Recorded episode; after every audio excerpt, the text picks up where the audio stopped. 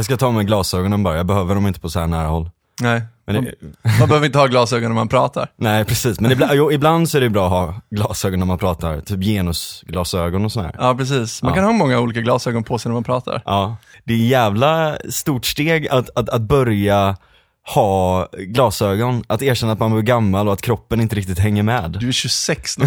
Det är liksom ingen ålder. Vänta bara. Ja, men till alla er där ute, bara gå inte runt med dålig syn, det är inte värt. Det är fan inte värt det alltså. Även om ni inte ser lika unga och fräscha ut som innan. Man, man ser smartare ut i Ja, glasögon. det är man. Ja. De är ganska snygga också. Ja, Ja. precis. Jo, men just det här med lite olika glasögon. Har du tänkt på, typ, när du, när du pratar med vissa människor, att man kan liksom skönja en världsbild? Alltså, om du pratar med en människa som ska beskriva någonting, så kan du helt plötsligt förstå hur den människan ser på världen. Ja, Det är verkligen så här, alltså för mig händer det så snabbt, så enkelt att jag bara så här, kan sätta mig in i den personen och bara säga, okej, den här personen ser världen på det här sättet. Det är jättespännande och jag har funderat mycket på vad, vad det här är. Och jag kommer fram till lite grann att så här, jag tror att människan har eh, myter. Vi skapar myter för att enklare kunna förstå världen. ja. Och när jag säger myter så menar jag inte liksom så här, att, att det är någonting som är falskt. Kentaurer. Nej, precis. Eller jag det har vi också gjort, men Ja, exakt. Nej, men just det här, snarare typ metaforer då, om, vi, om vi ser så. Att, att människan skapar metaforer för att enklare kunna förstå komplexa eh, sammanhang. Till exempel, eh, jag, i skolan till exempel så fick man förklarat att el, till exempel, om man ska för, för, förstå hur el fungerar, så kan man likna det vid en vattenström till exempel. Eh, för att göra det enklare för oss att liksom greppa hur el fungerar och hur det rör sig och så vidare. ja, Men el är ju inte vatten. nej. Det är ju två helt olika saker. Mm. Så att får du för dig på något vis att el är vatten, att du liksom tar den här metaforen på för stort allvar, då är du ute och cyklar ganska snabbt. Liksom. Precis. Eh, Då är du ute på djupt vatten. ja, precis. Och det finns så många sådana här äh, myter som jag snubblar över ofta när jag pratar med människor. Eh, och framförallt när jag pratar med, med människor om politik och ekonomi Ja, där är det ju verkligen så här. Där finns det så mycket myter och så vidare. Alla ideologier är ju egentligen myter kring om hur världen och samhället fungerar. Egentligen. ja. Eller har i alla fall delar i sig som är det. Precis. Särskilt när det kommer, Narrativ liksom. ja. Ja, men särskilt när det kommer till ekonomi. Ehm, och ja, men till exempel, när vi hade med Myra till exempel. Mm. Hon är ju en väldigt smart person. Eh, men jag, märk, jag märkte i samtalet med henne ofta att så här, hon har en idé om hur världen fungerar som inte stämmer överens med min. Vi ser på världen på två helt olika sätt. Ja. Eh, hon har sin myt och jag ser verkligheten för vad den är. jag ingen myt. objektivistisk. Nej, jag vet inte. Jag kanske också har mina myter. Men jag tror någonstans, och jag ska försöka belägga det i det här avsnittet, men jag tror att folk som är liberaler, eller åtminstone frihetliga, ja. har en närmare förståelse för hur verkligheten fungerar. Och det låter, Ibland. nu, nu blir du sådär snäll. Det är faktiskt så, skulle jag Ja. våga påstå. Reality has a liberal bias. Exakt, precis. Eh, och jag ska försöka belägga det här nu, vilket kommer bli jävligt svårt. Men eh, jag tänkte börja i en liten tangent. Eh, för jag lyssnade på ett avsnitt med God Ton för något år sedan, där eh, Per kommer in på en sån här myt. Eh, han har läst eh, eh, Anders Hansen, vet du vem det är? Mm. Hjärnforskaren. Ja, exakt, precis. Anders Hansen har skrivit en bok som heter Skärmtid, tror jag den heter Mm, mycket möjligt. som handlar om eh, den tiden vi lever i med alla skärmar, och smartphones och så vidare. Att, Skärmsamtiden. skärmsamtiden, exakt, skärmtiden. Eh, och att han, han driver då tesen att vi är inte skapta för att ha mobiler. Det här är, liksom, det här är någonting som är helt främmande för oss. Liksom, vi är skapta för ett helt annat sam... Ett helt annat... Eh, eh, en helt annan tid, en helt, ett helt annat typ av samhälle. Och det har gått så fort så att vi hänger inte med. Liksom. Mm. Och Per snubblar över en, en myt som han tycker att Anders Hansen har. Eh, där han menar på att Anders Hansen är i grund och botten kreationist. Mm. För att han menar att evolutionen har en riktning. Mm. Jag tänkte vi skulle lyssna på det här då. Eh, då tar Per upp en massa eh, exempel från den här boken han har läst. Eh, för att försöka understryka det här då. Alltså att säga att vi är utvecklade för någonting överhuvudtaget är ju att implicera att evolutionen har en riktning. Vi är på det ena eller det andra sättet för att klara av den ena eller den andra situationen. Och alltså, han är inne på samma spår på tusen ah, du, ställen. Du tol tolkar honom äh, lite elakt. Ja, men du, alltså läs ja. boken och ja. jag lovar dig, det, det duggar tätt av det här. Jag, jag tar upp mm. bara tre exempel nu. Mm. Ett till då, citat. Theory of mind pågår ständigt. Så fort du träffar eller ser någon och din hjärna försöker hela tiden simulera vad andra känner. Man kan undra varför.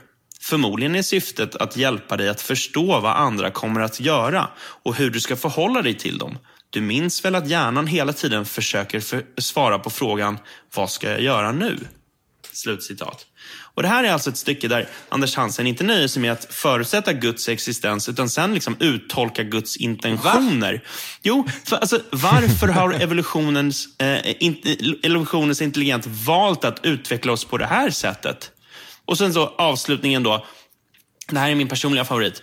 Citat. Det har funnits ett tryck på att skapa vita isbjörnar som kan kamouflera sig i ett äh, snölandskap och på att skapa klövar som ger perfekta grepp på sten för att stenbocken ska kunna hålla balansen på Alpernas branta sluttningar. Alltså, vad då tryck? Ja, evolutionärt alltså, tryck. De som ja, inte har det dör. Ja, men vilka är det som har skapat trycket? Andra Miljön. gudar? Är det, ja, men det är inte ett tryck. Det, det är alltså, ett tryck. Använder, det kallas han, för evolutionärt tryck. Nej, det är precis samma sak som, som på det här jag läste på baksidan. Så här, vår hjärna är i osynk med vår tid. Alltså ja. ungefär som att vi är utvecklade för någonting. Ja, vi är alltså är inte vi. utvecklade för någonting. Jo. Okej, vi stannar där. det här urartar ju ganska snabbt då, för Hanif är ju liksom så, han håller ju på Anders Hansens linje, att det är ju så här evolutionen fungerar. Mm. Vi har ju olika saker som är utvecklade för att vi ska, ja men till exempel vi har en syn som är utvecklat för att vi ska se till exempel. Ja. Att, eller exemplet som de tar då, att isbjörnen har vit päls för att den ska kunna kamouflera sig bättre. Eh, och ja, som sagt, Per är någonting på spåren här som är så jävla intressant. Hanif vägrar förstå det. Men det är faktiskt en väldigt, väldigt bra spaning för att det är ju inte så här evolutionen fungerar. Det är ju inte som att så här... Den är inte top-down, den är bottom-up. Exakt, ja. precis. Så att själva pälsen som isbjörnen har, den har ju inte kommit till för att björnen ska kunna kamouflera sig bättre. Det är ju en, en, en... Trial and error bottom-up process. Exakt, det är ja. ju det är en mutation som har hänt. Och i relation till dess omgivning så har det av någon anledning varit en... Selek för... Man har selekterat Exakt, för det. Exakt, precis. Ja. Det har varit en fördel då för, mm. för den eh, arten, eh, som, eller den vad ska man säga, den individen i den här arten som har utvecklat en vit päls av någon anledning, av en slump, bara en mm. slump. Det är det som har hänt, det är bara en fucking slump som har gjort det. Och den har av någon anledning då klarat sig bättre än sina andra artsfränder. Ja. Vilket har gjort att på sikt så har isbjörnar blivit vitare. Mm.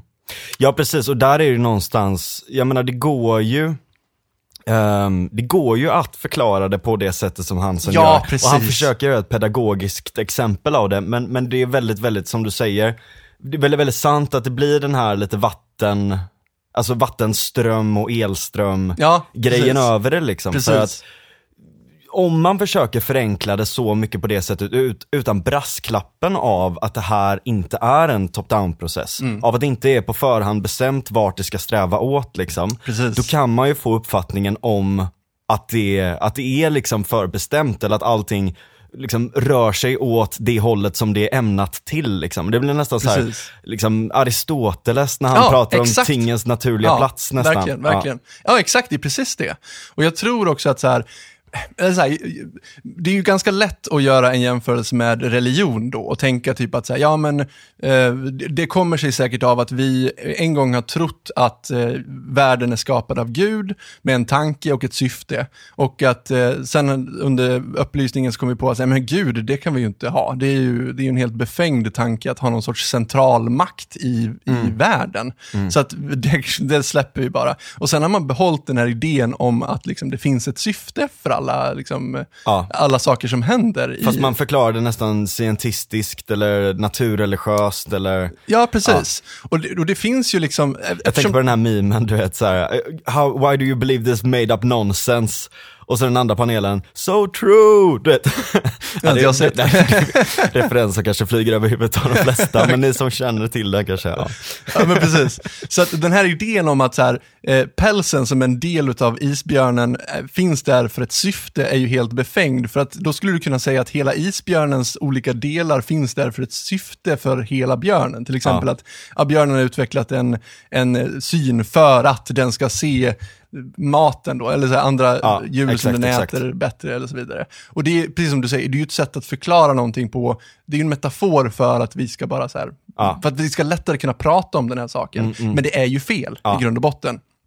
Och det här får ju konsekvenser. Till exempel så har man ju använt den här idén eh, att försöka liksom, argumentera för Guds existens. Mm. Eh, du känner igen eh, urmakar-analogin, kanske?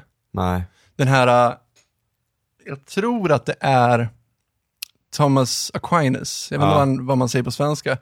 Eh, han la väl grunden till det här argumentet, om när levde han? Det var väl tusen år sedan eller någonting.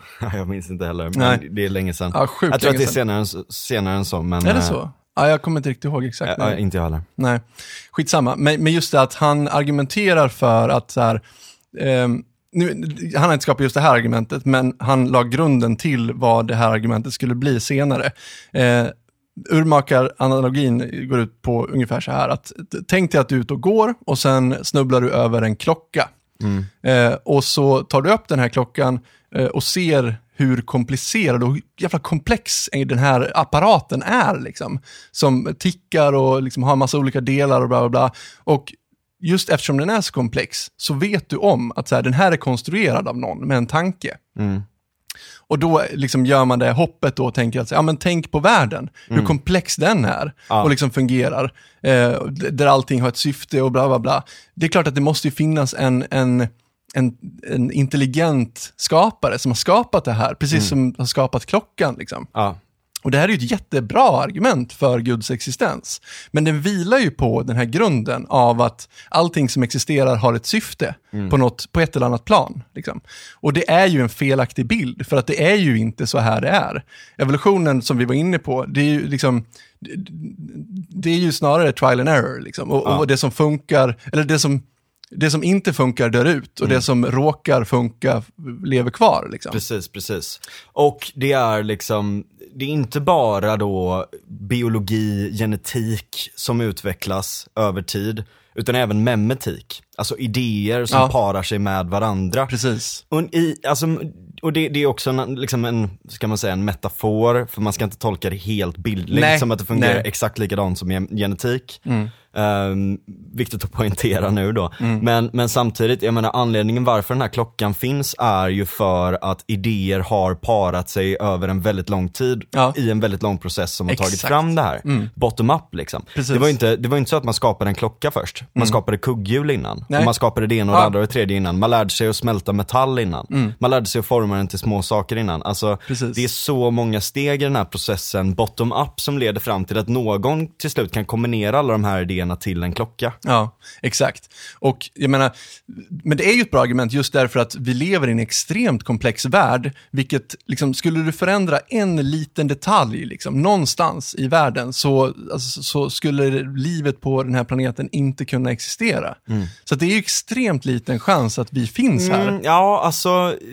Exakt, ja, det, men, ja. men vi gör tankefelet att tänka att vi har en chans och ja. vad är chansen? Ja. Jätteliten. Ja. Men vi har inte bara en chans, vi har oändligt med chanser. Exakt. Och nu råkade det liksom sammanfalla. Mm. Den här analogin med eh, aporna, som, aporna som skriver på typewriters, jag vet inte vad den heter, men, men den går kort ut på att Tänk dig att du har eh, oändligt antal apor som sitter och hamrar på så här, skrivmaskiner till exempel eh, under oändligt lång tid. Förr eller senare så kommer de skriva liksom, Shakespeares fulla verk. Liksom. Mm. Det kommer hända. Ja. Det, är liksom, det är inte en fråga om det kommer hända, det är bara en fråga om när det kommer hända. Snarare. Exakt.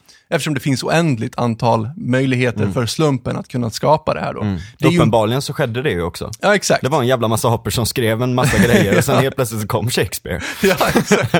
Ja, precis. Det är ju, det är ju en bättre eh, sätt att förstå komplexiteten i naturen. Ja. Eh, och inte tänka att det finns en, en, en skapare liksom. Eh, men den här syftes, den här teleologiska idén om eh, sakers existens lever kvar eh, och har levt kvar väldigt länge. Mm. Eh, inte bara när man ser till liksom, de individuella arterna som sådana, utan man har väldigt länge tänkt sig att hela naturen fungerar på det här sättet. Mm. Alltså att du har eh, olika arter vars syfte det är att göra någonting i ett system. Till exempel, eh, man har tänkt sig att så här, ja, men det finns myggor Mm. Och sen finns det fåglar som äter de här myggorna och håller myggornas population i schack, så att inte de blir för många. Och för att, för att fåglarna inte ska bli för många, så att de utrotar myggorna, så finns det någonting som äter fåglarna.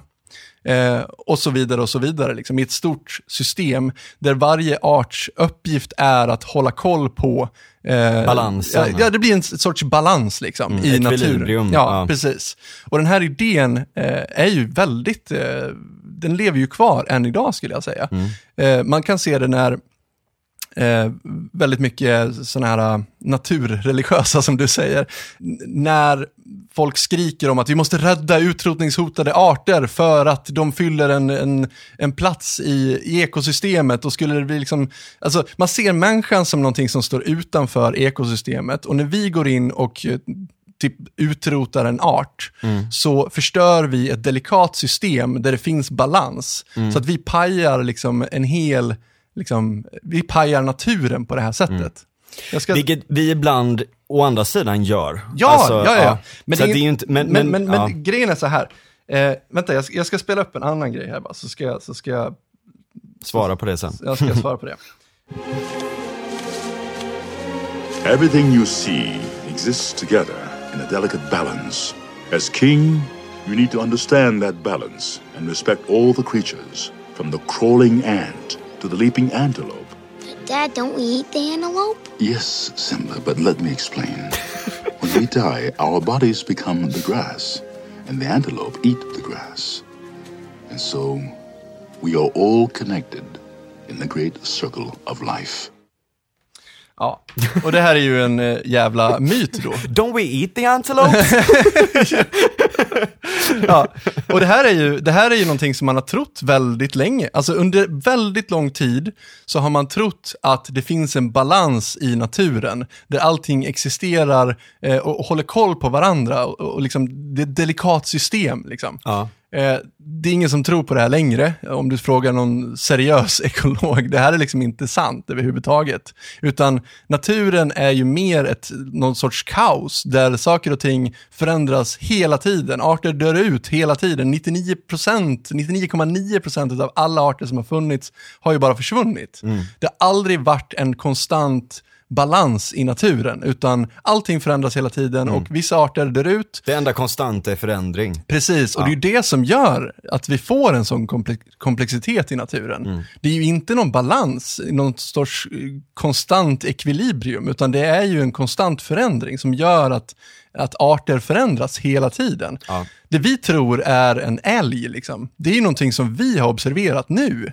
Alltså människan har observerat och sagt att så, ah, men det finns älgar i naturen. Mm. Men älgar är ju ingen sak, utan det här är ju en process. Mm. Eh, älgar har ju liksom varit någonting helt annat. Och liksom så här, det är ju en övergående fas snarare. Ja. Älgar kommer ju utvecklas till någonting annat, de kanske blir köttätare sen, vad vet jag. Liksom. Och det kommer inte vara en älg längre, utan det här är ju bara någonting som vi har satt etikett på. Det här är definitionen av en älg. Liksom. Ja. Vi glömmer liksom bort att, att tiden är så pass lång. Ja. Lite, lite, man kan dra det lite också till det som Johan pratade om i, i avsnittet, Johan Norberg pratade om, mm. det här med att när jag är, alltså, eller så här, när, eh, när man växer upp liksom, så är det ett tidsspann där man tänker så här är det och allting som bryter på, mot det här sättet att vara, att bete sig mot varandra eller hur världen är beskaffad i allmänhet eller teknik eller vad som helst. Liksom. Allting som bryter mot det och förändras, det är fel och läskigt. Liksom. Precis, Ja. exakt. Ja, men det är en väldigt Inte bra... allt, men Nej, mycket. Ja. Precis. Ja, exakt. Det är någon sorts konservati- konservatism i, i det på något vis. Att så här, vi måste bevara det här perfekta systemet. Mm. Ja. Som aldrig är, det bevarar inte sig själv, utan det förändras. Nej, nej verkligen. Jag, tycker så, jag vill bara innan vi, innan vi går vidare från just det här med, eh, med, med jorden och allt det där, liksom, att jag tycker att det är så jävla det är så intressant, liksom. det finns ju den här rare earth hypothesis Mhm. som handlar om då, och som du var inne på lite där innan också, att om någonting divergerar pyttelite så hade det typ inte funnits liv på den här Ja. Mm. planeten. Alltså lite den tanken, för att det stämmer ju inte. Alltså vi har ju börjat märka nu att så här, okej, ehm, en del saker, en, liksom en del saker verkar kunna överleva och leva i andra klimat, i extrema klimat eller eh, alltså extremt varma eller extremt kalla klimat och, och så vidare och så vidare. Så att idén om the habitable zone, eller det här gyllene lilla snittet nästan, det är absolut för, som vi är konstruerade som liv, så stämmer det. Men det behöver inte nödvändigtvis stämma för resten liksom. Nej, precis. har vi ju inte kunnat, vi har inte riktigt kunnat få inblick i exakt hur det ser ut på delar av eh, Mars. Nej, precis. Eh, vi har inte fått inblick i hur det ser ut i Ju- heter det, mm, ja, Jupiters måne Europa, Mm. som, eh, som man, man då tror har ett helt hav inuti sig. Mm. På grund av att den, den går i en oval form, eh, vilket jag fick lära mig nyligen att i princip alla planeter gör. ja, just det. Men, och, och, och så, liksom- men den går i en väldigt, väldigt oval form då, sträcks ut och då på olika sätt liksom. Så att det värmer upp kärnan i den. Eh, och det är en isplanet då, så att det, den har ett täcke av is som når rymden. Liksom, eller som är liksom där då. Ja, som en membran liksom. Ja, precis. Liksom. Men inuti tror man då att det finns ett hav och på grund av de här effekterna då, alltså geysrar under marken eller du vet varma, så att säga, va- vattnet värms upp underifrån, skapar liksom ett, eh, ett dynamiskt system som kan skapa mer komplexa eh, eh, molekyler och så vidare då. Precis. Även på Pluto så har man märkt att det, eh, det, det finns väldigt mycket ammoniak på Pluto. Ehm, och ammoniak eh, gör att vatten inte fryser lika lätt. Så att eh, där tror man också att det finns någon form av flytande vatten och i, i ehm, atmosfären på Pluto så har man också kunnat se ganska komplexa eh, kvävemolekylkedjor. Jag vet inte exakt vad det är, vad det, nu kommer det sitta någon astrofysiker här och tycka att jag är en jävla idiot. Men, eh, men, men, ja, ja, men att, att det finns liksom komplexa kedjor där som är typ, kan man säga, liknande till grunderna för DNA. Ehm, och sådär, så att jag menar, man börjar också även på en, på en kosmologisk nivå börja ifrågasätta, inte bara det att jorden är det enda och att vi är satt här av ett system, av en gud eller någonting som, som då kan få fram det och det gäller bara för oss och vi är så jävla speciella utan att sannolikheten att det finns liv på andra planeter väger, eller liksom är väldigt, väldigt, väldigt stor. Ja. Rent teoretiskt då. Ja, precis. Life finds a way, som man Ja, säger i precis. Jurassic Park, är det inte det? Ja. ja, men precis. Det är väldigt intressant att man tror att vi är så speciella, liksom, men att det är liksom bound to happen, liksom, på något vis. Ja. Mm. Det finns ju en teori om att, eh, att det är liksom på grund av entropi då. Och att levande organismer skapar mer entropi. Och att det är därför liv existerar. Men eh, det, jag vågar inte köra på det. Nej, jag vågar inte gå in på det här. Jag är inte, jag är inte proffs på det här. Jag har bara läst lite böcker om det här. Ja, jag, exakt. det, det är på den nivån för min del. Men det var ett litet sidospår bara. Ja, jag kände bara att eh, just den här myten var ganska intressant att prata om. För det finns ju också må- många paralleller man kan dra just i hur man förstår eh, naturen, alltså ekologi. Eh, man skulle kunna dra parallellen ganska enkelt till hur man förstår ekonomi. Det är ju liksom två, eh, de heter ju nästan likadant av en anledning. Liksom. Eh, och Darwin då, som utvecklade evolutionsteorin, han hämtade väldigt mycket inspiration och pluggade väldigt mycket ekonomi just. Han älskade Locke till exempel, han älskade framförallt Adam Smith. Och det är ju någonting som folk inte vet heller. Liksom att, ja, men till exempel den här idén om division of labor som, eh, som, eh, som Adam Smith skrev om i eh, Wealth of Nations. Eh, alltså, att vi, eh, vad heter det på svenska? Eh, Uh, the wealth, uh, wealth of Nations menar du? Nej, alltså arbetsdelning heter det. Ja. Att vi delar upp uh, arbeten ett ja. mycket mer Eller specialisering. Ja, specialisering, ja. Eller precis. arbetsdelning. Exakt. Den idén tog Darwin och applicerade på, uh, på naturen också. Ja. Så att genom eh, myten om ekonomin, eller metaforen kring ekonomi, mm. för, använde han för att förstå, eh, för att skapa en metafor för att förstå naturen. Ja. Precis. Eh, så att liksom, ekologi är ju eh, myten om naturen, eller myten som gör det lättare för oss att förstå hur naturen fungerar och ekonomi är ju myten om hur eh, vi ska förstå hur ekonomi fungerar i verkligheten. Precis. Så det är väldigt intressant, det finns en koppling ja, däremellan. Verkligen. Eh, och, en, en, intressant grej där också, att, lite den här Gaia-teorin som du pratade om innan då, det är ju det är också en gammal teori där man började se de här sammanhangen mellan det väldigt, väldigt li, lilla, alltså nästan på bakteriell nivå liksom, mm. till det stora då, och att man började se sammanhang. Och jag menar, det är fortfarande en väldigt, väldigt stor uh, upptäckt liksom, att det ändå är nätverk, det är connected och det är liksom en stor, liksom, man kan säga att det är liksom väldigt många saker som påverkar varandra, allt sånt där. Så det är inte, det är inte en, eh, det liksom rent vetenskapligt är det fortfarande en intressant teori i lärdomshistoria mm. och i vetenskaplig historia. Uh, och då kallar man det Gaia först, men, så var, och, och, men det är ju liksom kvinnligt tonat och allt sånt där. Och det var liksom, visst lite flummigt, men den var ändå lite på rätt spår jämfört med liksom kontemporära andra teorier då. Mm. Eh, men så valde man då ekologi istället, som är då mer kanske maskulint betonat, objektbetonat och sådär. Liksom. Mm. Så det finns ekofeministisk kritik ja, mot det där som har en liten poäng alltså. Feministiska glasögonen sitter på här. Sitter på. 2014, all over again. ja men precis. Eh, vad var jag nu då? Jo, eh, paralleller mellan, mellan ekonomi och eh, ekologi. Eh, och om man tar de här idéerna då, som har funnits inom ekologi på många mm. sätt, om hur liksom, naturen fungerar. Då har vi, liksom, som jag pratade om tidigare, den här uh, centralmakten. Mm. Eh, det har vi provat inom ekonomi också. Ja. Alltså central planering helt enkelt. Exakt. Sovjet liksom.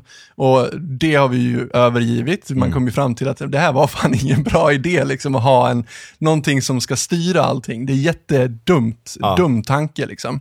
Men jag skulle vilja argumentera för att vi har gjort samma misstag eh, som man tidigare gjort inom ekologi, mm. inom ekonomi. Ja. Att man, man har gjort sig av med den här centralplaneraren. Mm. Men man ser fortfarande alla delar i ekonomin som att de har ett syfte. Ja. Och det här låter ju helt galet. Jag låter ju galen nu när jag säger så här, tycker mm. folk. För att det är väl klart som fan att varje företag har ett syfte. Det, det här är ju, ett, alltså hela ekonomin är ju ett, ett, ett stort eh, eh, vad ska man säga, ett stort nätverk utav ja. företag som handlar och köper av varandra och det är, liksom, det, det är så det funkar. Liksom. Det är, en, det är liksom en, en balans i ekonomin som, vi inte, liksom, som man inte får rucka. Liksom. Eh, och då, alltså, jag har tänkt över det här och jag tror att det här är en stor jävla myt att tänka på det på det här sättet. Mm.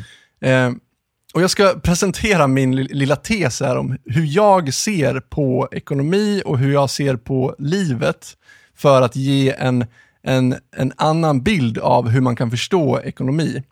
Eh, jag har en lillebror som är eh, entreprenör. Alltså han är entreprenör ut i fingerspetsarna.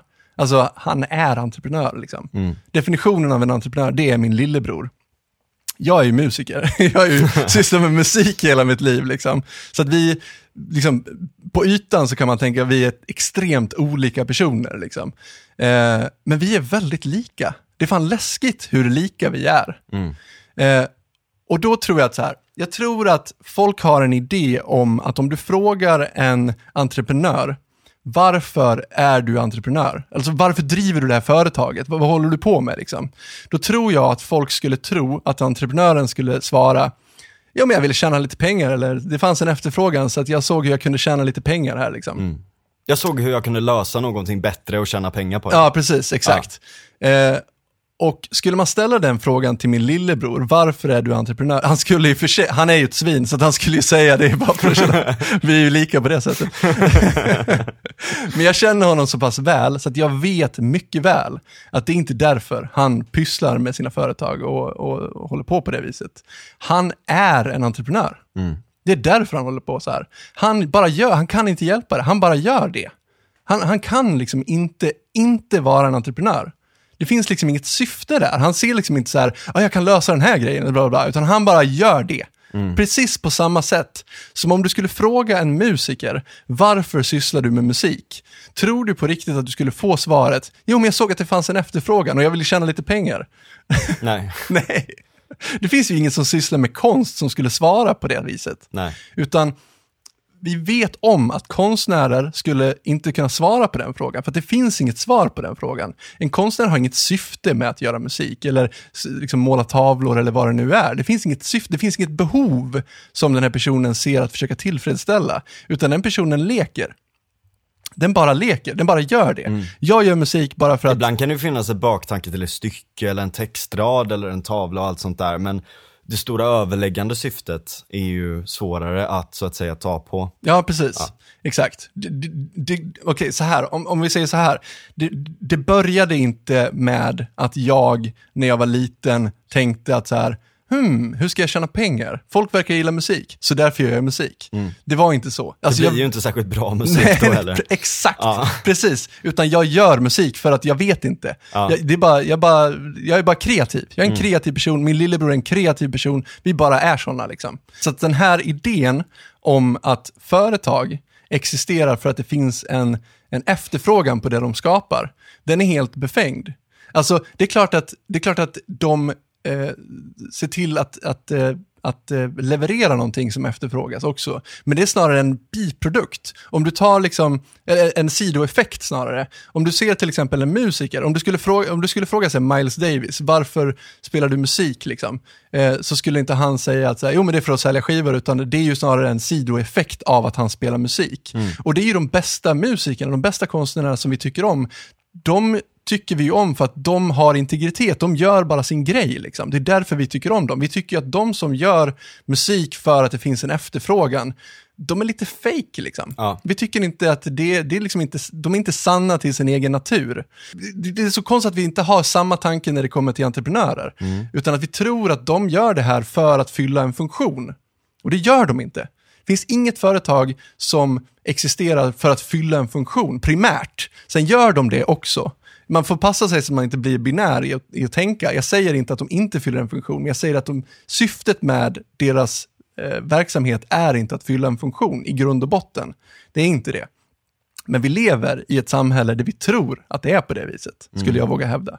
Och det här får ju en väldigt massa olika eh, effekter. Mm. Eh, till exempel som Myra som säger till exempel när vi sitter ner och pratar om företag att jag tycker att företag borde demokratiseras.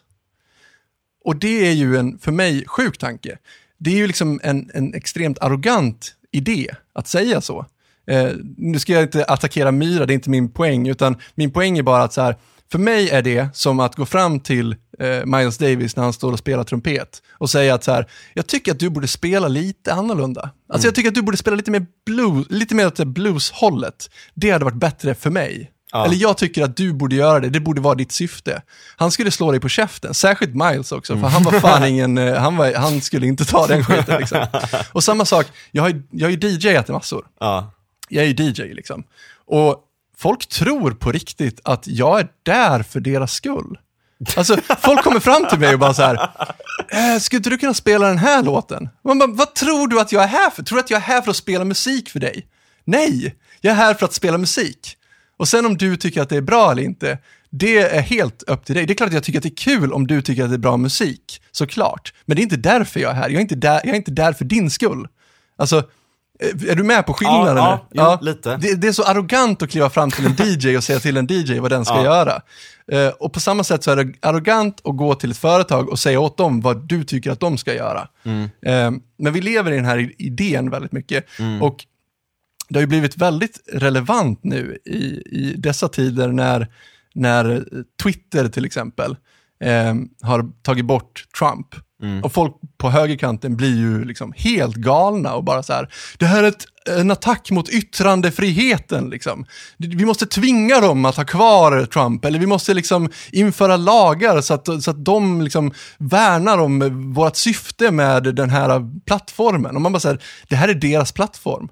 Du har ingenting, det är arrogant att komma och säga åt dem vad de ska göra med sin plattform. Mm. De gör det här för sin skull. De gör inte det här för din skull. Om du tycker att det är nice att vara på den här plattformen så är du välkommen. Men du har ingenting att, liksom, du har ingen rätt att komma och säga till dem vad de ska göra. Nej, men problemet blir ju lite där, å andra sidan då, att om det blir som en institution, som det på sätt och vis har blivit liksom, och att det blir behandlat av dessutom då det statliga, mm. som en institution, mm. eh, där man till exempel då blockerar eh, konkurrens, mm. eller sätter extremt hårda krav på alla konkurrenter, att trösklarna höjs så, så högt mm. på typ att filtrera innehåll, mm. eh, att eh, liksom, ja, det ena det andra. Um, nu menar jag inte att man inte ska filtrera bort saker och ting som är extremt olagliga liksom. Mm. Men, men, men typ filtrera bort om någon är taskig typ. Ja. Alltså på den nivån. Precis. Eller om någon, liksom, eh, om någon skriver en åsikt som inte är accepterad helt och hållet mm. eller du vet sådär liksom. Uh, då blir det ju liksom lite svårt, alltså jag, jag, tycker att frågan är lite komplex där. Mm. För, för, för då finns det ju inget alternativ, utan då då institutionaliserar man de plattformarna som de plattformarna som ska finnas. Då begår ja, ja. man ju det här felet, ja, top-down-felet. Ja, liksom. och det är ju en, liksom. det är en politisk konstruktion där man tror, det är ju det här jag menar. Jag tror ju att det här är en politisk eh, tanke om ekonomi i grund och botten. Alltså att man tror att, att eh, företag som existerar har, alltså eh, vad ska man säga, samhällsekonomin är som ett pussel. Ja. Där varje företag fyll, är en pusselbit i det här pusslet. Exakt, liksom. exakt. Eh, där alla fyller sin funktion, så, så att ja. säga. Att alla eh, företag är liksom samhällsuppbärande eh, aktörer på något vis. Mm. Eh, och där de är viktiga för samhället. Och det är bara en sån befängd jävla idé som jag tror att vi måste tänka bortom. Och jag tror att, att ett sätt att, att tänka bortom det här, det är att förstå att entreprenörer är en form av konstnärer. Mm. Och respekterar du konstnärlig integritet och konstnärlig frihet så måste du också acceptera och respektera entreprenör jag kan inte säga, entreprenöriell eh, frihet och ja. integritet. Eh, de är inte där för din skull, de är inte där för samhällets skull, de är ingen samhällsuppbärande institution. Nej. Eh, det är ett feltänk mm. och vi måste bort från det. Ja. Vi måste verkligen överge den tanken och vi måste liksom börja respektera konstnärlig frihet för att vi ska kunna liksom, bli mer avancerade. Ja det hade varit bättre om det fanns eh, utrymme för konkurrens på ett helt annat sätt. Mm. Eh, liksom, om, vi vill ha, om vi vill ha en evolution inom, eh, ja, men till exempel hur vi pratar på internet till exempel, ja. då måste vi ju tillåta konkurrens, mm. verkligen. Vi måste tillåta evolutionen att ha sin gång, för mm. att det är i ett komplext system där många olika aktörer experimenterar och testar olika saker som vi får fram de här stjärnorna. Liksom. Ja.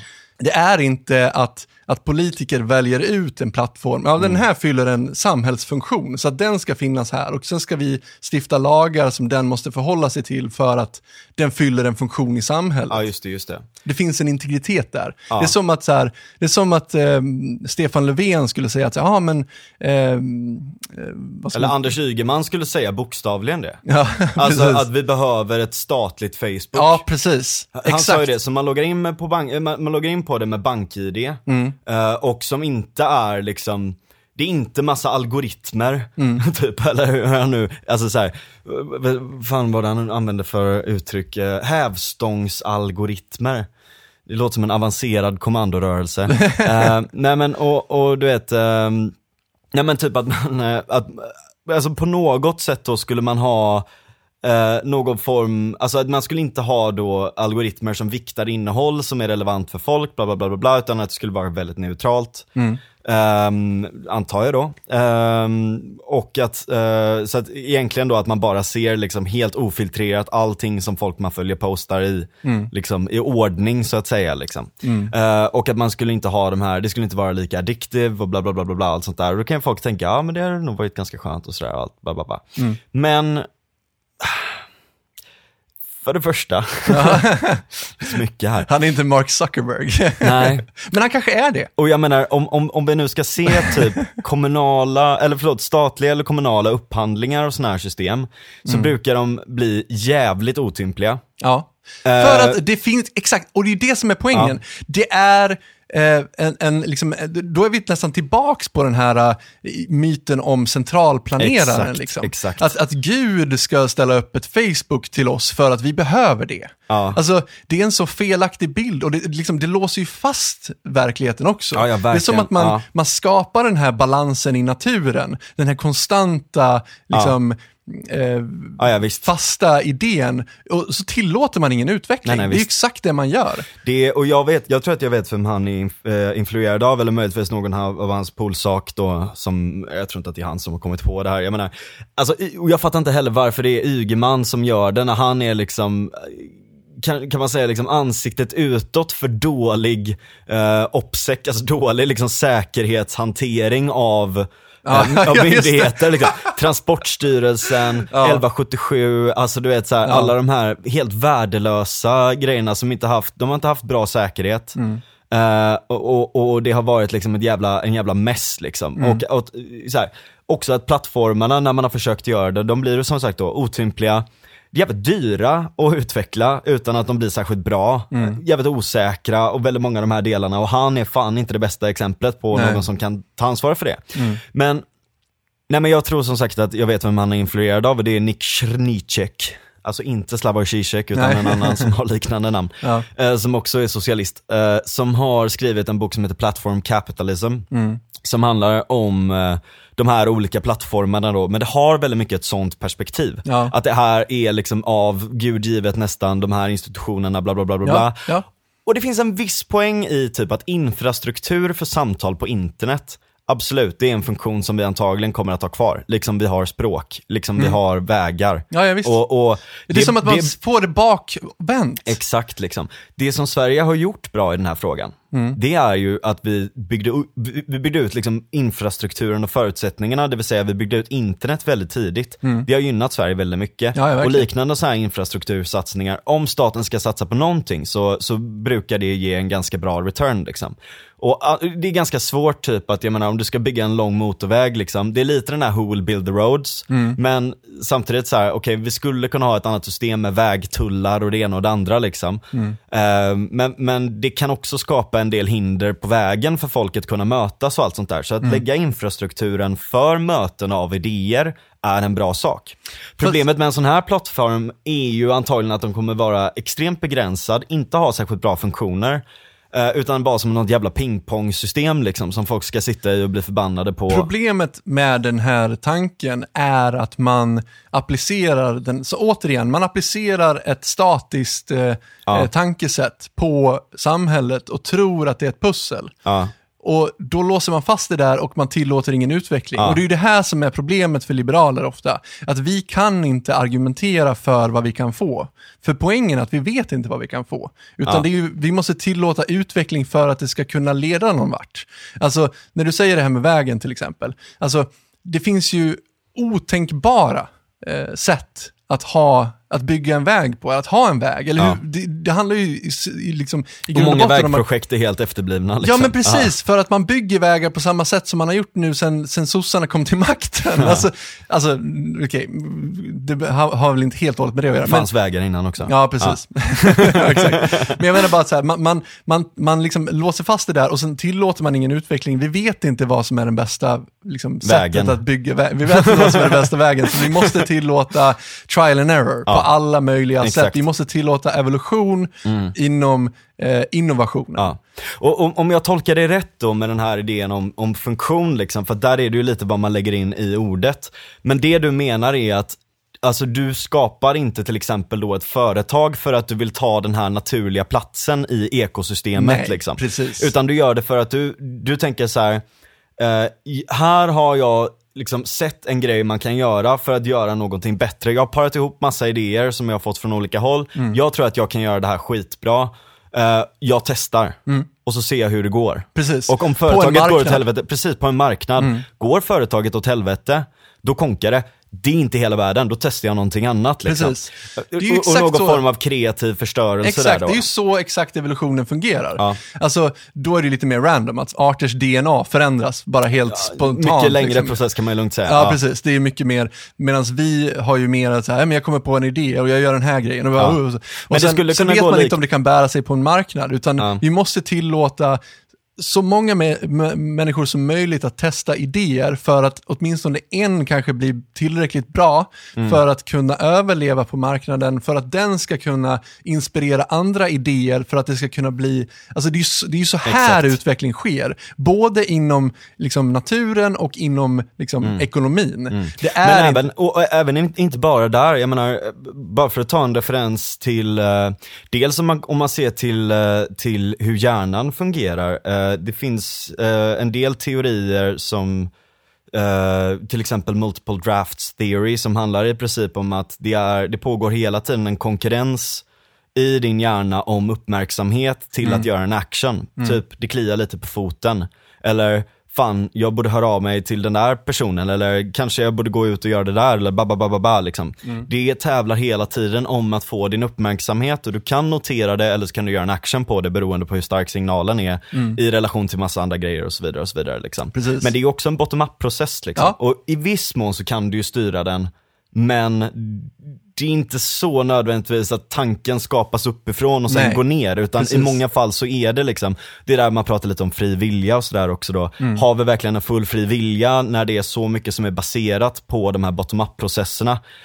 Vilket är svårt, alltså någonstans så har vi kanske en fri vilja att välja mellan våra så att säga intryck eller våra, våra, vad som kommer upp liksom. Mm. Um, så det är en, en grej. Mm. En annan grej som är jävligt intressant är att se så här, hur går det när man simulerar sådana här saker då. Mm. AI då till exempel. Att, eh, jag gjorde ett projekt eh, som blev klart eh, idag då, eller när vi spelar in det här då. Mm. Vad är det, torsdag idag? Fredag idag? Fredag, ja. ja ingen koll längre, för fan. Eh, så gjorde vi ett projekt eh, där vi försökte få en sån här ragdoll, du vet en sån här människa-doll typ och spela fotboll liksom. Mm. Uh, och så hade vi en massa olika idéer på hur vi skulle göra det och så gjorde vi ett som var ganska så här, ska man säga, komplicerat med olika rewards för hur den rörde sig åt vissa håll och du vet, vi la på en jävla massa sådana här saker. Uh, bara för att se hur det funkade, mm. att, att ta den approachen liksom. Och det fungerade sämre än att bara ge den några grundläggande förutsättningar för att kunna lära sig själv. Då. Just det, precis. Ett annat, och det här är ju OpenAI liknande, det är PPO som är utvecklat av dem, uh, Proximal uh, Policy Optimization eller något sånt där heter det. Uh, okay, bara, ingenting, bara för ni, ni, som, okay. ni som är intresserade av AI. Men, ja. uh, men, men liksom samma princip då kan man se då, för att ta ett enklare exempel, uh, med AlphaZero. Så först då så hade man vad som kallas supervised learning, att man liksom puttade den i rätt riktning, mm. att man tränade den på en miljö som var liksom, typ, man, man, man tränade upp den med gamla schackspel och såna här saker då och allt sånt där. Mm. Uh, och det tog ganska lång tid, den blev ganska bra och till slut så blev den bättre än en, en människa då. Mm. Um, även i det här Go-spelet då, som är mycket mer komplext och har väldigt många olika states den kan ta. Mm. Inte jämfört med verkligheten som är mm, alltså oändligt med states, ja. då, men, men i alla fall då. Uh, och så hade man en annan där den bara tränade upp sig mot sig själv då. Mm. I någon form av trial and error process. Mm. Och den gick väldigt mycket snabbare att träna och blev väldigt mycket bättre dessutom. Ja. Mm. Så det är lite inom typ alltså det teoret, för, för någonstans så måste vi se att det här är både en simulation av intelligens, men det är också en simulation av nätverk och system och mm. hur det funkar. Ja, liksom. Och uppenbarligen så är centralstyrning, visst att lägga fundamenten för någonting, mm. fysiska lagar, eller, eh, liksom, eh, eller, eller vägar och, och, tillgång till internet, eller du vet så här, mm. de, här de här förutsättningarna är en sak, mm. det är bra om de finns och det kan underlätta massa saker. Mm. Eh, en bra algoritm kan underlätta jättemycket till exempel. Um, och utan algoritmen så skulle det aldrig kunna bli så komplext heller för den delen, mm. typ DNA att, att vårt DNA har utvecklats under en så lång tid, vår algoritm så att säga har utvecklats under så lång tid, mm. skapar också förutsättningen för att vi kan hitta på de här extremt stora, storartade grejerna. Liksom. Mm. Men, och även idésystemet ovanpå det här som mm. vi har byggt upp socialt, interpersonellt, alltså nästan en metaintelligens mm. i mänskligheten. Mm. Eh, som är Alltså det blir nästan som en så att säga, emergent funktion där, där liksom helheten av alla våra idéflöden mellan varandra mm. är större än bara det som kan rymmas i en person. Mm. Uh, även i de systemen, jag menar det krävs ju vissa, så, det, det, finns ett begrepp som heter standing on the shoulders of giants. Liksom. Ja. Att Vi har... Var inte det Isaac Newton som uh, myntade det? Ja, det, det, kan mycket väl ha varit. Ja. Lite det här att liksom, han kom ju inte på allting själv. Nej. Utan han använder ju tidigare kunskap som Ja. finns eh, liksom kristalliserad eller som finns liksom fast då mellan olika människor. Det känns som att jag pratat om det här tidigare Mm. Ja, ja, visst, men, men det tåls men- att sägas igen liksom. Eh, han, och, och det är ju det, på grund av att den här, de här tidigare sakerna finns så kan man utifrån det skapa nya saker. Ja. Idéer kan mötas, knullas och skapa någonting nytt och bättre liksom. Mm.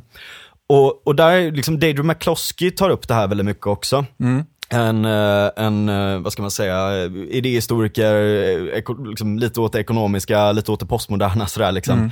Och hon kritiserar just eh, synen på både institu- institutionalism och kapitalism. Mm. Som, man, som man då pratar om som de här faktorerna som leder till välstånd. Mm. För det är lite fel sätt att se det liksom. Ja. Ta till exempel, förr i tiden så, en sak som äganderätt som många, om, om man ser kanske där många liberaler har haft fel då. Äganderätt har funnits ganska länge. Alltså, även, inte perfekt liksom, men ändå ganska länge. Mongolerna hade äganderätt, i viss mån. Men de förstörde också typ städer och gjorde det till betesmarker för deras hästar. Liksom, istället för att ha städer som faktiskt utvecklade grejer. För, för att de hade en idé om att det var så det skulle vara styrt. Liksom. Ja. Ehm, och många andra eh, liksom länder har haft de här, en del fungerande institutioner här och där. Men de har liksom inte haft rätt idéer om, om att utveckla saker på det här trial and error sättet. De har inte haft rätt moral runt det. Varför ska man göra det? Hur ska man göra det? Hur gör vi det här på ett bra sätt? Eller du vet, vad fan som helst. Ehm, och, eh, och man har liksom inte ut... Man, man, det har liksom inte funnits en idé om det fria utbytet av idéer och utveckling av välstånd på det sättet. Liksom. Eh, och även, alltså, där kommer institutioner in som en, vi- som, i viss mån en infrastruktur. Absolut, men de kan också vara utsugande. Alltså de kan dra resurser från folk och lägga dem på skitsaker också. Skatteverket. Ja. Jag ska- Ja, ja, men, ja. Nej jag skojar, de gör en del bra saker också men, men du fattar vad jag menar. Nej, det gör de inte. Eh, det finns massa institutioner som kan vara utsugande, extremt begränsande och det ena och det andra och det tredje också. Ehm, och det är inte institutionerna per se som faktiskt skapar någonting i slutändan. Nej. Det är idéerna kan man säga, s- genom människor som realiserar dem. Om man ska vara lite idealistisk, det, det låter lite flummigt men tekniskt sett så är det ju det att du samlar en jävla massa idéer som inte riktigt har en liksom, fullt materiell bas, liksom, utan är lite flytande mellan det materiella och det idealistiska. Samlar det till att göra någonting. Ehm, och samma sak med kapital där då. Det är också en institution på sätt och vis. Alltså du har samlat ihop en jävla massa guld. Typ. Eh, men om man kollar, ta till exempel eh, Spanien. Under liksom det, deras Habsburgska rike när de plundrade Sydamerika på allt guld och allt sånt här och hade liksom väldigt starka institutioner på alla de här ställena. De hade jättemycket kapital, men de realiserade inte kapitalet i någonting produktivt Nej. och utvecklande. Nej, precis. De, det fanns ingen innovation som tilläts eller som uppmuntrades. Så att det är egentligen summan av idéflöde, summan av interaktioner, summan av utveckling och summan av liksom de här moraliska principerna runt om det och, och, som, som i slutändan faktiskt skapar välstånd eller skapar utveckling. Precis. Eh, jämför till exempel med eh, de nordamerikanska kolonierna då. Där man efter ett tag insåg att det går inte att kontrollera de här personerna helt och hållet. Liksom. Så man började släppa mer och mer på det. Och folk fick ganska mycket möjlighet att kunna utveckla sina egna system och eh, saker och ting kunde växa fram organiskt. Det är en mycket, mycket större eh, del då. Även Sverige under, under den tidigare industrial, industrialiseringen var ju extremt laissez Det var ju där vi byggde upp vårat välstånd. Sen har Ja, det ju visst. bara liksom förvaltats av liksom sossemakten och i princip bromsat av väldigt mycket av den utvecklingen. Ja, vi hade varit och- ett mycket och rikare land så- utan alla de här bromsklossarna på vägen. Och så jävla mycket lögner som kommer därifrån. Att det var Ja. vi som gav er det här. Och man bara, nej, det hade förmodligen varit bättre om ni inte hade varit där. Ja. Liksom. Men det finns en viktig grej då. Alltså kreativ förstörelse. Eh, alltså att man skapar någonting nytt som konkurrerar ut någonting annat. Liksom. Mm. Och det kan vara en art, eller det kan vara en, eh, en, en produkt, eller det kan vara allt sånt där. Mm i de här systemen, det är en sak när det är ett företag som går under. Mm. Men om det innebär en personlig konkurs mm. för en person. Nu ska du inte göra någon jävla poäng om någon grundläggande... Nej men, men någonstans, man måste ändå ha lite, lite det in mind. Ja, liksom. alltså att, här, jag... Att om, jag får bara avsluta, att ja. om det går ut över en person extremt mycket, mm. då, kanske det, då kanske det är liksom svårt att ta risker. Det är svårt att göra trial and error. Och du går in i system som inte är effektiva för att de är trygga. Det är men inte nödvändigtvis jag, bra. Jag, jag helt... Och den personen kan få jävligt tragiskt ja. slut om det är så. Precis. Samma sak med arter. Alltså mm. jag menar, absolut.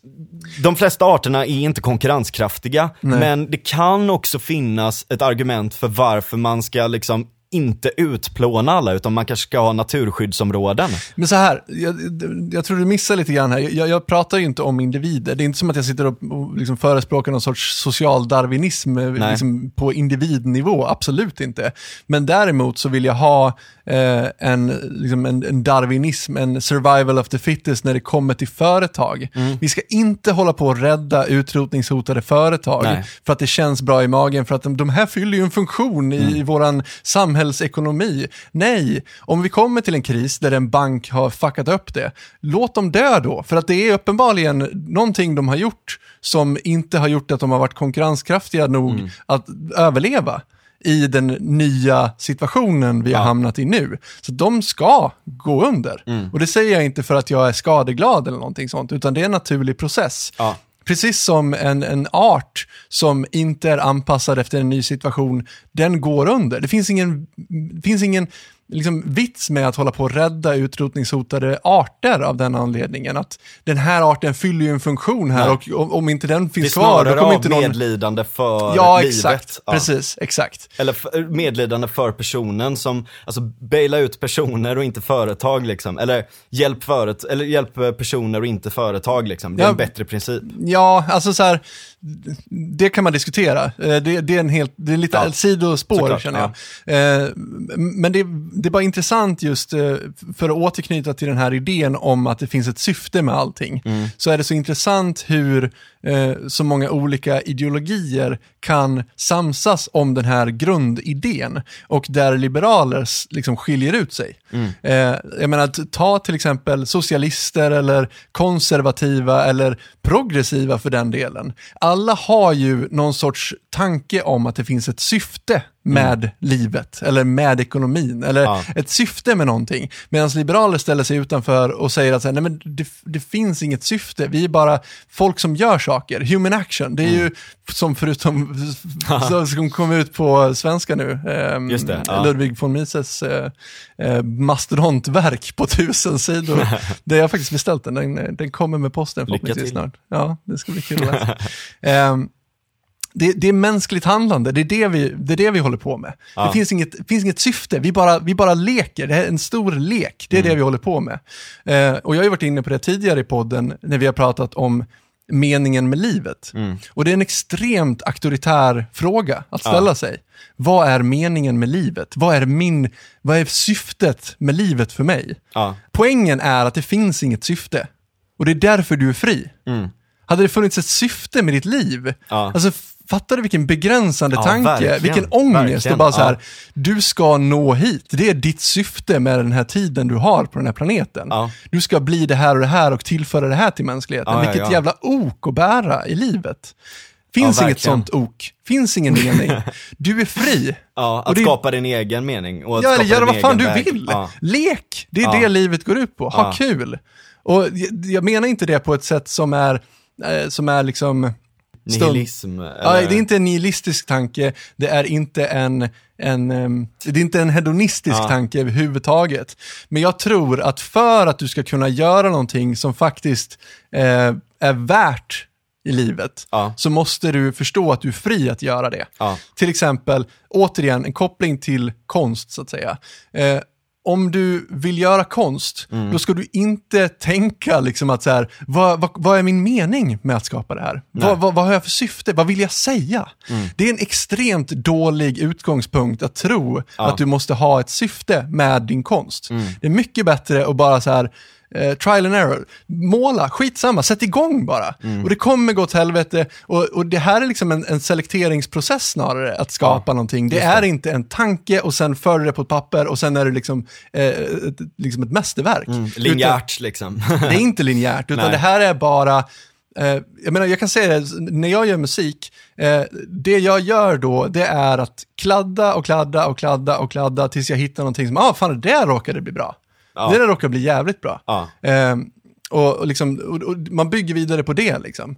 Eh, jag har bara en jävligt rolig anekdot, som, apropå det här med att folk tror att, eh, eh att allting har ett syfte. Eh, min kära svärfar är ju jazzmusiker, han har ju alltid spelat jazz, han är saxofonist. Och han berättade en anekdot, eh, jag tror att han var i Malmö och spelade. Um, och jazz, då spelar du liksom, då, då är det liksom, uh, du har ju liksom i musiken, då är det liksom teman. Man skulle kunna säga att det är liksom refrängen på låten. Och sen på själva verserna, då är du väldigt fri att liksom, liksom spela bara. Mm. Uh, och improvisera och leka. Liksom. Sen kommer du tillbaka till temat igen och liksom syr ihop det på något vis. Ja. Uh, och det var just under en sån här uh, lekdel i låten, där han bara spelar och leker och bla bla. Han står och spelar i Malmö. Och då känner han att någon börjar knacka honom på axeln så här. Ganska aggressivt. Och han bara säger, vad fan, vad, vad, håller, vad, vad är det som händer liksom? Var arrogant och knacka mig på axeln när jag står här och försöker spela liksom. Och le, jag står här och leker liksom. Mm. Um, men den här jäveln gav sig inte, utan han fortsatte knacka på axeln. Så han tänkte att, så här, vad fan, det kanske är något, all... tänk om det brinner eller någonting. Jag måste ju kanske så här, kolla vad, vad läget är. Så han slutar spela och liksom lutar sig fram för att liksom så här, eh, vänder sig om och lutar sig och bara så här, vad, vad, vad vill du säga typ? Och då sitter en liten snubbe där och bara så här, har du en penna? Va? Fattar du arrogansen? Allvarligt talat? Ja! Ja! Var någon jävla fucking random? Ja. Så han såg det som att så här, här sitter jag och får musik spelad för mig. Det är liksom syftet med den här snubben som står och spelar saxofon. Han står och spelar för mig, ja. så han fyller en funktion åt mig. Ja, och Men när han inte nu, längre gör det liksom. Nej, ja. just nu behöver jag en penna. Så att, jag behöver inte den musiken just nu. Utan han jag kan behöver... ju inte varit frisk. Nej men det bara illustrerar så jävla väl den här jävla tanken på att liksom så här. Nej för fan vad dumt. Vi ja. behöver demokratisera företag. Eller liksom vi behöver, eh, alltså det är bara en så sjuk tanke och bara så här. Vilken jävla liknelse. ja men det är så arrogant. Det är så jävla arrogant. Så du tror att det här företaget håller på och jobbar åt dig. Nej, Nej. det gör inte det. Du har ingenting med det där att göra. Ge fan i. Håll dina jävla fingrar borta ja, från det. Men om du gillar det du gör, då, då kan du liksom då kan du ingå i ett partnership och köpa deras grejer. Liksom. Ja, precis. Ja. Och det är supernice i sådana ja. fall om du gillar det. Ja, Men du, har, du, kan inte, du kan inte claima det. Nej. Det är inte ditt att claima. Nej. Twitter är inte ditt att claima. Nej, just det. Så att ge fan i. Ja, nej, precis. nej, men det är intressant det där. Jag tror att mycket med den synen Alltså dels det här narrativet, att vi vill skapa koherenta system som är liksom, lätta att greppa. Mm. Ta typ, uh, uh, ja men liksom kreationism eller astrologi till och med och allt sånt där. Liksom. Mm. En del av dem har ju en intern koherens. Ja, ja, Eller ta kons ja, konspirationsteorier också. Bra poäng. För den delen. Alltså det, det finns en intern koherens i det. Mm. Och det gör att du kan acceptera världen enklare för att då har du ett liksom, inarbetat system i dig själv som kan möta världen. Ja. Och, och, och, och då, är det liksom, då är det enklare för dig att orientera dig i den för att du känner, jag kan spelreglerna. Mm. Jag vet hur saker och ting funkar liksom. Mm. Men det är inte så, det är mycket mer dynamiskt än så. Det är mycket mer komplicerat liksom. Och ja. Jag tror att ett jävla stort problem med liksom institutional, äh, institutionalism, ja. jävla svårt att säga, äh, och även neoinstitutionalism äh, och, och liksom alla de här teorierna runt det här mm. är, jag, jag tror att väldigt många av dem kommer för att, alltså systemen vi har för att analysera, eller framförallt tidigare då liksom, men väldigt mycket av de systemen och de verktygen vi har för att analysera system mm. har varit baserad på de här deterministiska modellerna. Ja, exakt. Linjär jävla regression typ, ja. eller du vet, alltså bara så här, typ, alltså så här, ganska liksom, enkla, enkla faktorer som är som går att analysera. Mm. Och eftersom att det går att analysera det på det sättet, mm. på ett relativt enkelt sätt, mm. så gör man det i väldigt stor grad, typ ekonomin. Mm. Homo economicus, att vi alltid tar äh, liksom rationella ekonomiska val. Mm. Även om det inte stämmer överens med med forskning inom hur faktiskt folk gör val så, mm. så håller man fortfarande kvar vid den här utilitetsfunktionen ja. för att det är enklare att räkna på det sättet med mm. de modellerna man har. Mm. Men det gör ju också att det kommer en jävla massa forskning som försöker antyda att det här är inte en förenkling av världen och ett sätt som vi kan se på det utifrån det här perspektivet. Utan snarare nästan att det blir som ett enhetligt system som försöker att förklara världen. Ja, alltså precis. ett ontologiskt system som nästan säger att på grund av att vi kan mäta på det här sättet så mm. är världen på det här sättet. Exakt. Man, man, man får det, om, vad säger man?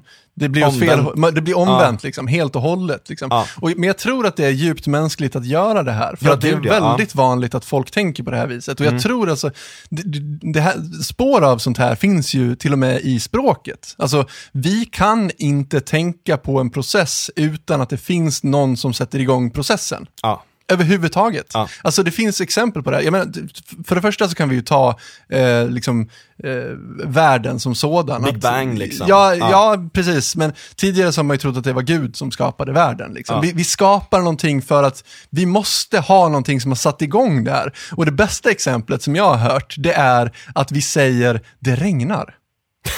Vänta nu, vänta nu. Det regn, vad är det som regnar? Ja. Vi, vi, det finns inget som regnar, men vi måste säga det regnar. Ja. För att vi kan inte tänka oss att den här processen bara spontant dyker upp, utan vi måste ha en anledning. Vi måste ha någonting som... Det ja, aha. Ja, ah, du menar så ja. ja. ja. Så vi tänker liksom att så här... Vi säger inte regn. Nej, precis. Ja. Nej, och det är fullkomligt mer logiskt att säga regnar. Det är väldigt Hur många är heta liknelser. Ja, det är en väldigt, väldigt konstig grej. Ja, det är lättare ja, det är när solen lyser, för då kan vi säga solen lyser. Men vad är det som regnar? Är det molnen? Eller vad fan menar vi? Ja, det regnar bara. Det är jättekonstigt. Men det här är ju, vi, vi var ju inne lite grann på det här med, eh, med Henrik Wallgren, han var med i, i podden också. Och då drog jag upp den grejen att så här, eh, det finns en konstig idé om att vi gör skillnad på processer och eh, objekt. Mm. Att vi liksom tror att det finns saker och att det finns händelser. Vi gör en stor skillnad på de sakerna. Ja. Vi ser till exempel, vi ser en människa som att en människa vore en sak. Mm. Men du skulle ju mycket väl kunna se en människa som att den existerar under en viss tid. Det är mm. ju en, snarare en händelse. Ja. Precis som ett krig pratar vi om som att det vore en, ett objekt. Mm. Säger, det är ju ett substantiv, ja. ett krig. Men det är ju en, en händelse som, mm. som liksom existerar över tid. Mm. Eh, så att egentligen så behöver vi inte se eh, substantiv. Vi behöver inte mm. se objekt överhuvudtaget, utan allt är en stor process mm. som inte har nödvändigtvis eh, ett, ett syfte Nej, med sig. Just det. det finns inget som liksom har tänkt att så här, eh, jag menar, det är ju precis som när du kommer in på konspirationsteorier, så absolut ett jättebra exempel på det här feltänket. Att man tror att man sitter liksom med ett resultat. Mm. Och så tänker man att så här, aha, det måste finnas en konspiration eh, varför det har blivit exakt så här. Liksom. Mm, mm. Eh, det bästa exemplet, det är ju vi kan ta vilken jävla konspiration som helst egentligen. Illuminati typ. Ja men precis, exakt. Ja. Att så här, eh, vi ser eh, olika resultat i världen. Mm. Så därför måste det finnas en, en intelligent tanke bakom att det har blivit ja, exakt, exakt, så här. Exakt, exakt. För att det är så vi är programmerade att tänka på något vis. Ja. Och nu sa jag det igen, jag använder det i språket, jag sa att vi är programmerade att tänka så här. Som Aha. att det är någon som har gjort att vi ska tänka så här. Det är ju helt fel tänkt, men det finns i vårt språk. Och därmed så finns det i vårt sätt att tänka om världen. Men vi måste tänka bortom det här och förstå att saker och ting existerar inte med ett syfte syfte, det finns ingen tanke bakom någonting. Nej. Utan saker och ting existerar på samma sätt som musik existerar. Alltså det, det är helt onödigt att det gör det, men ja. det är just därför det existerar. Ja. Ja, verkligen. Men det där är också intressant, för jag vet inte om jag tog upp det här för liksom tusen år sedan i, i något jävla avsnitt, men det är också lite av en väst så att säga, västlig ja. filosofisk grej att vi tänker på det sättet. Mm. Till skillnad från till exempel, eh, ja, alltså österländsk filosofi. Mm. Som är mycket mer händelseorienterad då. Men mm. vi har väldigt mycket mer objekt och attributsrelaterad för, eh, som man kan spåra då och eh, alltså, enligt en del vetenskapshistoria och idé och lärdomshistoria då, som man kan spåra då till liksom kan man säga, de gamla grekerna, mm. utvecklingen av logiska system och eh, att vi var extremt, att de, de rättare sagt var extremt objektsorienterade mm. och väldigt fokuserade på kausala samband ja, och, och, och, hela den biten och sådär också. Mm. Um, och, eh, och att det sen då har tagit sig in i även andra andra ja, former då helt enkelt. Liksom. Precis, och jag vet inte om det har med, så här, det är ju så lätt att, att anklaga liksom kristendomen, eller liksom eh, judendomen egentligen, som är liksom en grund till kristendomen. Att, ja. att det kommer därifrån, liksom. Skyller på judarna som vanligt. men, det, men det är ju inte, alltså så här, de tankarna fanns ju uppenbarligen hos eh, liksom, dem också. Ja. Men det fanns ju också i Aten, liksom, i mm. det antika Eh, och säkert långt innan det ja, också. så jag vet inte exakt var det kommer ifrån. tradition liksom. Precis. Och jag, man vet, alltså jag vet inte exakt var det kommer ifrån, eller eh, liksom vem som startade igång den här processen och vad den hade för syfte.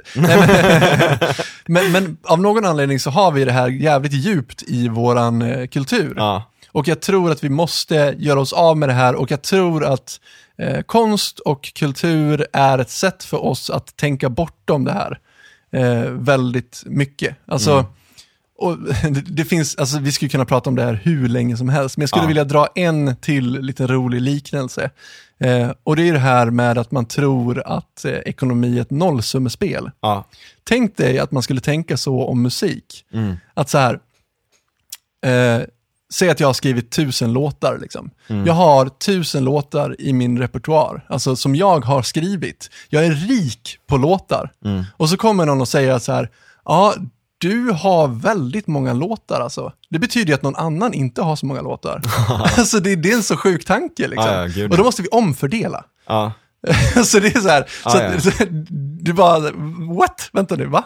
Det är helt sjukt liksom. Det, är inte ett nollsummespel. Nej. Ingenting är ett nollsummespel om vi tillåter eh, frihet. Kreativitet. Att Kreativitet, ja. precis, exakt. Ja, verkligen. Mm. Nej, jag håller med. Och, och, och, där är det ju liksom, dels som man ser då, nu gick jag bara in lite på McCloskey, det är nästan, borde nästan ta med Mattias igen, ja. för att prata om det, för att han är ju väldigt duktig på det. Uh, och, eller på henne, på henne mm. rättare sagt, om mm. man kan säga så. Uh, men nu ska du inte bli trans, transfob, transfob, eller vad heter det? På, nej men jag sa det och sen sa jag henne. Jaha okej, okay. ja. jag trodde du sa han först. Nej det gjorde jag inte. Nej okej, okay. nej, nej, förlåt. Ja, ja. Det är jag som läser in i mina egna nej, transfobiska... Men, uh, ja verkligen. Försöker påmåla mig. Nej men, uh, för det, det, kan, det tåls verkligen gå in på mer. Mm. Och jag skulle gärna vilja prata med honom, jag ska läsa klart allt, jag har inte läst hela uh, den här, vet du, hennes trilogi där. Uh, om borgerliga dygder och hur idéer skapat världen snarare mm. än de här materialistiska förklaringsmodellerna då. Ja. Um, så det är väldigt bra, men, men även då Johan Norbergs senaste bok Öppen sluten som vi pratade lite om tidigare går in på det här också att mm. det är inte nödvändigtvis liksom Alltså, man, man, kan inte bara förklara det med materiella faktorer och sånt där, utan det som verkligen har liksom konsekvent genom historien genererat väldigt mycket, eller liksom mer välstånd och mer utveckling har varit öppna samhällen. Ja. Och jag menar för att det ska vara öppet så kanske du måste ha en viss stabil grund, en infrastruktur för det. Och du måste ha liksom rule of law, alltså du kan inte gå mm. runt och fucking kniva folk och ta deras skit liksom. För då förstör du ju jävligt mycket. Mm. Men däremot när det har funnits en öppenhet till idéer, en öppenhet till utveckling och man har låtit det flöda. Mm och inte blivit så jävla rädd och dratt i nödbromsen så fort någonting, wow vad är det här för någon ny teknisk grej? Eller mm. varför beter de sig på det här sättet liksom? Mm. Uh, om det inte är liksom extremt våldsamt eller du vet kränkande eller vad fan som helst liksom. Mm. Då har saker och ting utvecklats ja. i väldigt mycket större grad. Mm. Och jag, jag tror verkligen någonstans att det, att det ligger någonting i det där och att det är så många som har fundamentalt fel om, om, om, om liksom det här. Och att man försöker se att jag menar både, både ta, ta liksom begreppen att vara konservativ eller att vara progressiv. Mm. Jag tycker att det är så jävla konstiga begrepp liksom. Mm. För att jag menar, typ konservativ, absolut. En del traditioner är väl, värda att bevara och en del moral är värt att hålla upp i viss mån sådär liksom. Eller det, så här, det, det är bra typ att, att se till det förgångna och att en del av de traditionerna, eller en del av moralen eller att en del av utvecklingen är värd att behålla på ett visst sätt. Men jag menar, du kan ju inte konservera någonting. Du, alltså, allting är ständig utveckling, allting liksom, ja, liksom går åt en progressiv riktning på sätt och vis liksom. Ja, inte en progressiv riktning. Men, nej, men det, går ju, det går ju framåt liksom. Men, och det ja, är det jag precis. menar som är sen då, när man pratar om progressiva, mm. att man har liksom mixat ihop det där ordet till att bli, handla bara om vissa sorters frågor till exempel. Mm. Och, och, och, och, där är också det här, jag menar, progression till vad? Mm. Ja, men det är ju det som är skillnaden på ja. progressiva och progression. Ja. Alltså progressiva, de tror att, alltså de är utopiska, de, de sätter upp en, ett mål ja. och sen tänker de att så här, nu har vi ett syfte och vi ska ta hela samhället hitåt. Ja. Det är uh, bra med syften tycker jag. Jag tycker det är bra att sträva efter så här, liksom, sådana saker. Jag tycker det är en auktoritär uh, idé att mm, ha. Ja men alltså säg, jag menar, jag strävar efter att göra jag strävar efter att förstå det här bättre så att jag kan hjälpa folk typ. Jag strävar efter att försöka bota cancer typ. Ja, men, men då är du ju en melloartist för mig ja, alltså. Okej okay, då. Ja, men du fattar vad jag, jag menar. Jag säger inte att det är fel att göra det, jag säger bara att liksom, om, om ditt syfte, om, om du, alltså, jag tror inte att människan har syften på det sättet. Jag tror att man lurar sig själv om man, om man tänker på det sättet. Det är precis samma sak som att tänka... Snarare kanske man låser sig själv. Ja, exakt, precis. Alltså att, du kommer inte kunna skapa har... något bra om du tänker på det viset. Nej men lite det att om, om man är så jävla låst och tunnelseende på liksom, jag ska dit ja. och, och jag tänker inte kolla på någonting, då missar du liksom i mm. ögonvrån där vägen faktiskt tar dig framåt mm. på något sätt. Uh, om, om du är för fastlåst till att liksom det här är någon form av top-down process där, där liksom det här är syftet och sen så ser vi till och här är vägen dit och sen ska vi gå dit liksom.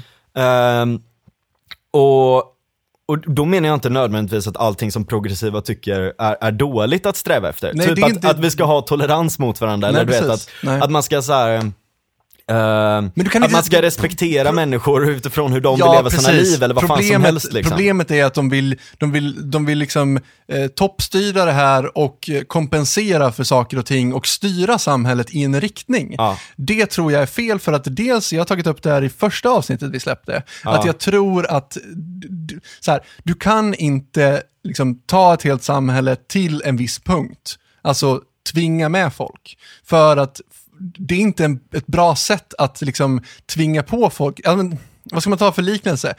Alltså, säg att vi inför en lag om kvotering för att vi vill ha jämställdhet. Mm. Det finns ingenting som säger att kvotering kommer leda till jämställdhet. Nej, utan det, det, papper, det liksom. kan få motsatt effekt snarare. Ja. Om du tvingar på människor dina ofta liksom jättebra, fina mm. mål. Liksom. Mm.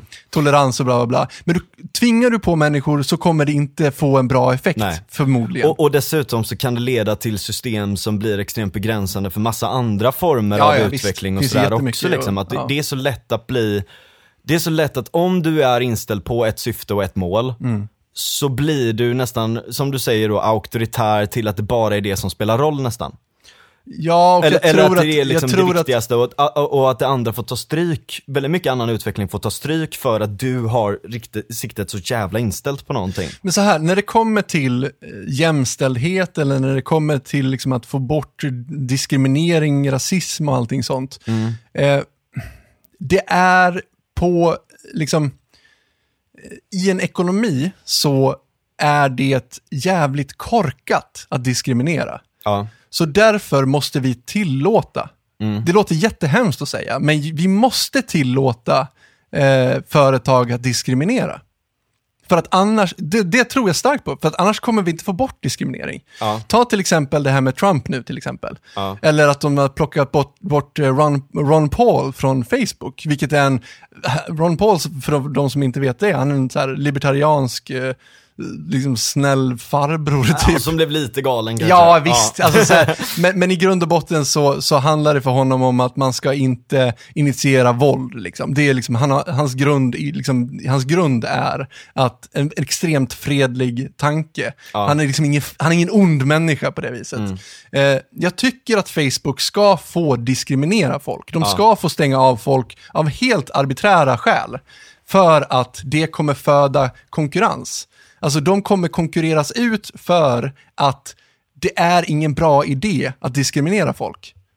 Nej. Men, men liksom lagstiftar vi och säger att så här, du får inte diskriminera folk, då kommer, diskri alltså, då kommer rasismen finnas kvar under ytan. Vi kommer kanske inte agera på den eh, nödvändigtvis, men den kommer finnas kvar där. För ja. det finns Nej, ingen anledning att träna bort den. Ja. Eh, så att ett sätt att träna bort den, det, det är ju att, att, att tillåta den och låta det för det är en extremt dålig idé att vara rasist. Ja. Och det kommer, eh, liksom, det kommer, det kommer försvinna. Ja, ska jag säga. Det, ja, men, ja men precis, det, och de inte... utgår, jag menar många rasister utgår ju också från det. Det finns ett syfte. Ja. Det finns ett syfte för den vita rasen ja, till precis. exempel. Bla, bla, bla, Exakt, där har du det igen.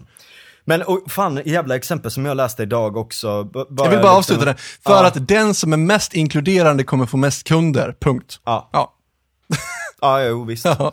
Nej men, och och jag menar om ett jävla företag bara vill göra på det sättet, sure fucking be it liksom. Ja, men de kommer ju ha färre kunder, ja. det kommer inte liksom så här, va, ja. Det mest inkluderade företaget kommer ha flest kunder och ja. de, det är de som kommer ja, ja, vara mest konkurrenskraftiga. Woke Punkt. capital.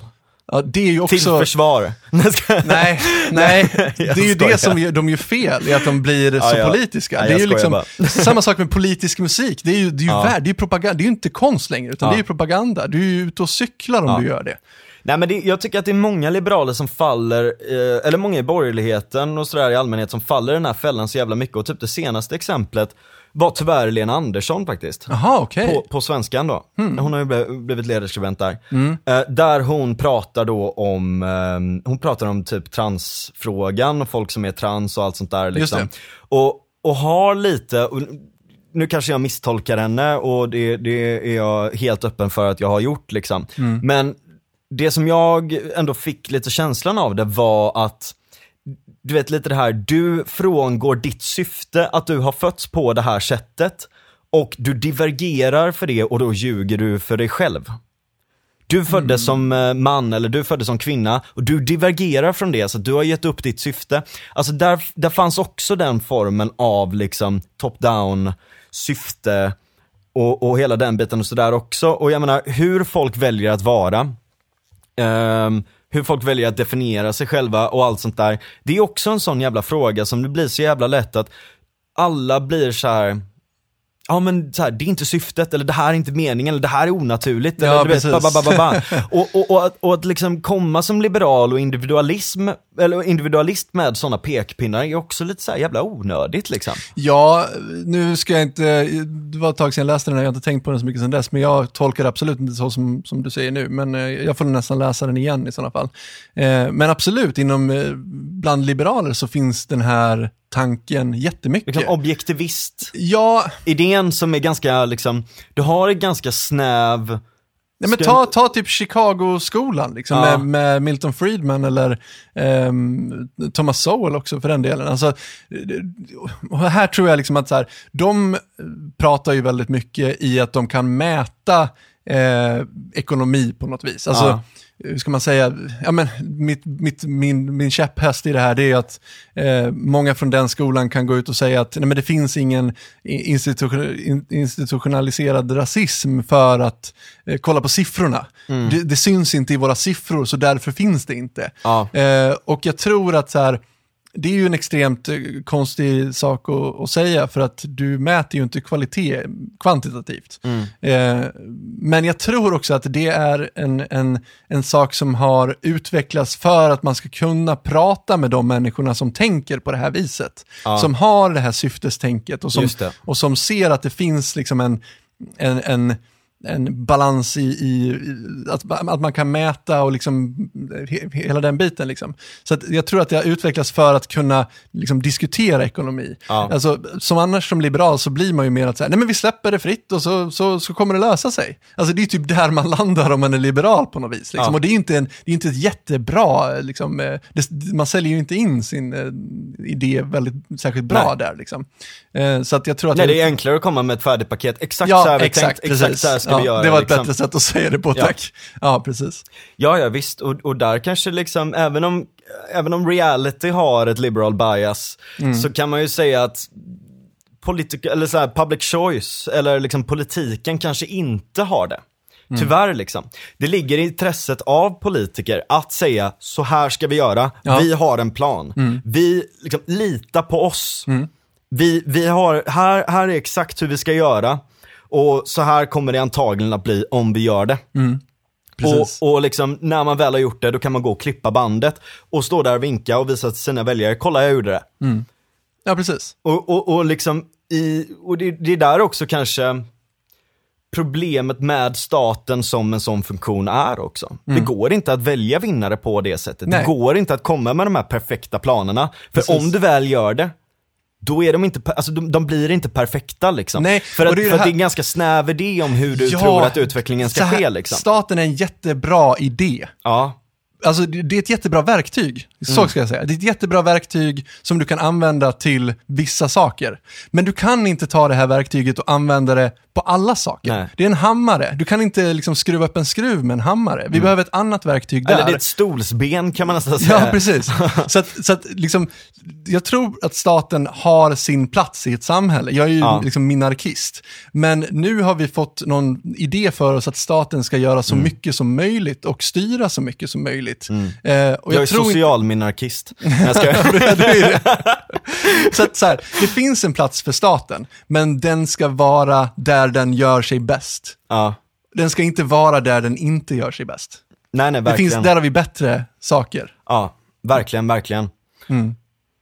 Ja, ja det, det finns så jävla mycket mer att prata om det här. Det finns så många olika exempel. Men, men jag tycker ändå att vi, vi la ut ändå Ja, jag tror att en, vi... en, en, grund för en vidare diskussion tror jag. Ja, vi, vi får diskutera det här ja. i, i, gruppen på Facebook. Ja, precis. Kom gärna som... in där. Alltså, vi ska inte tro att vi är liksom de perfekta.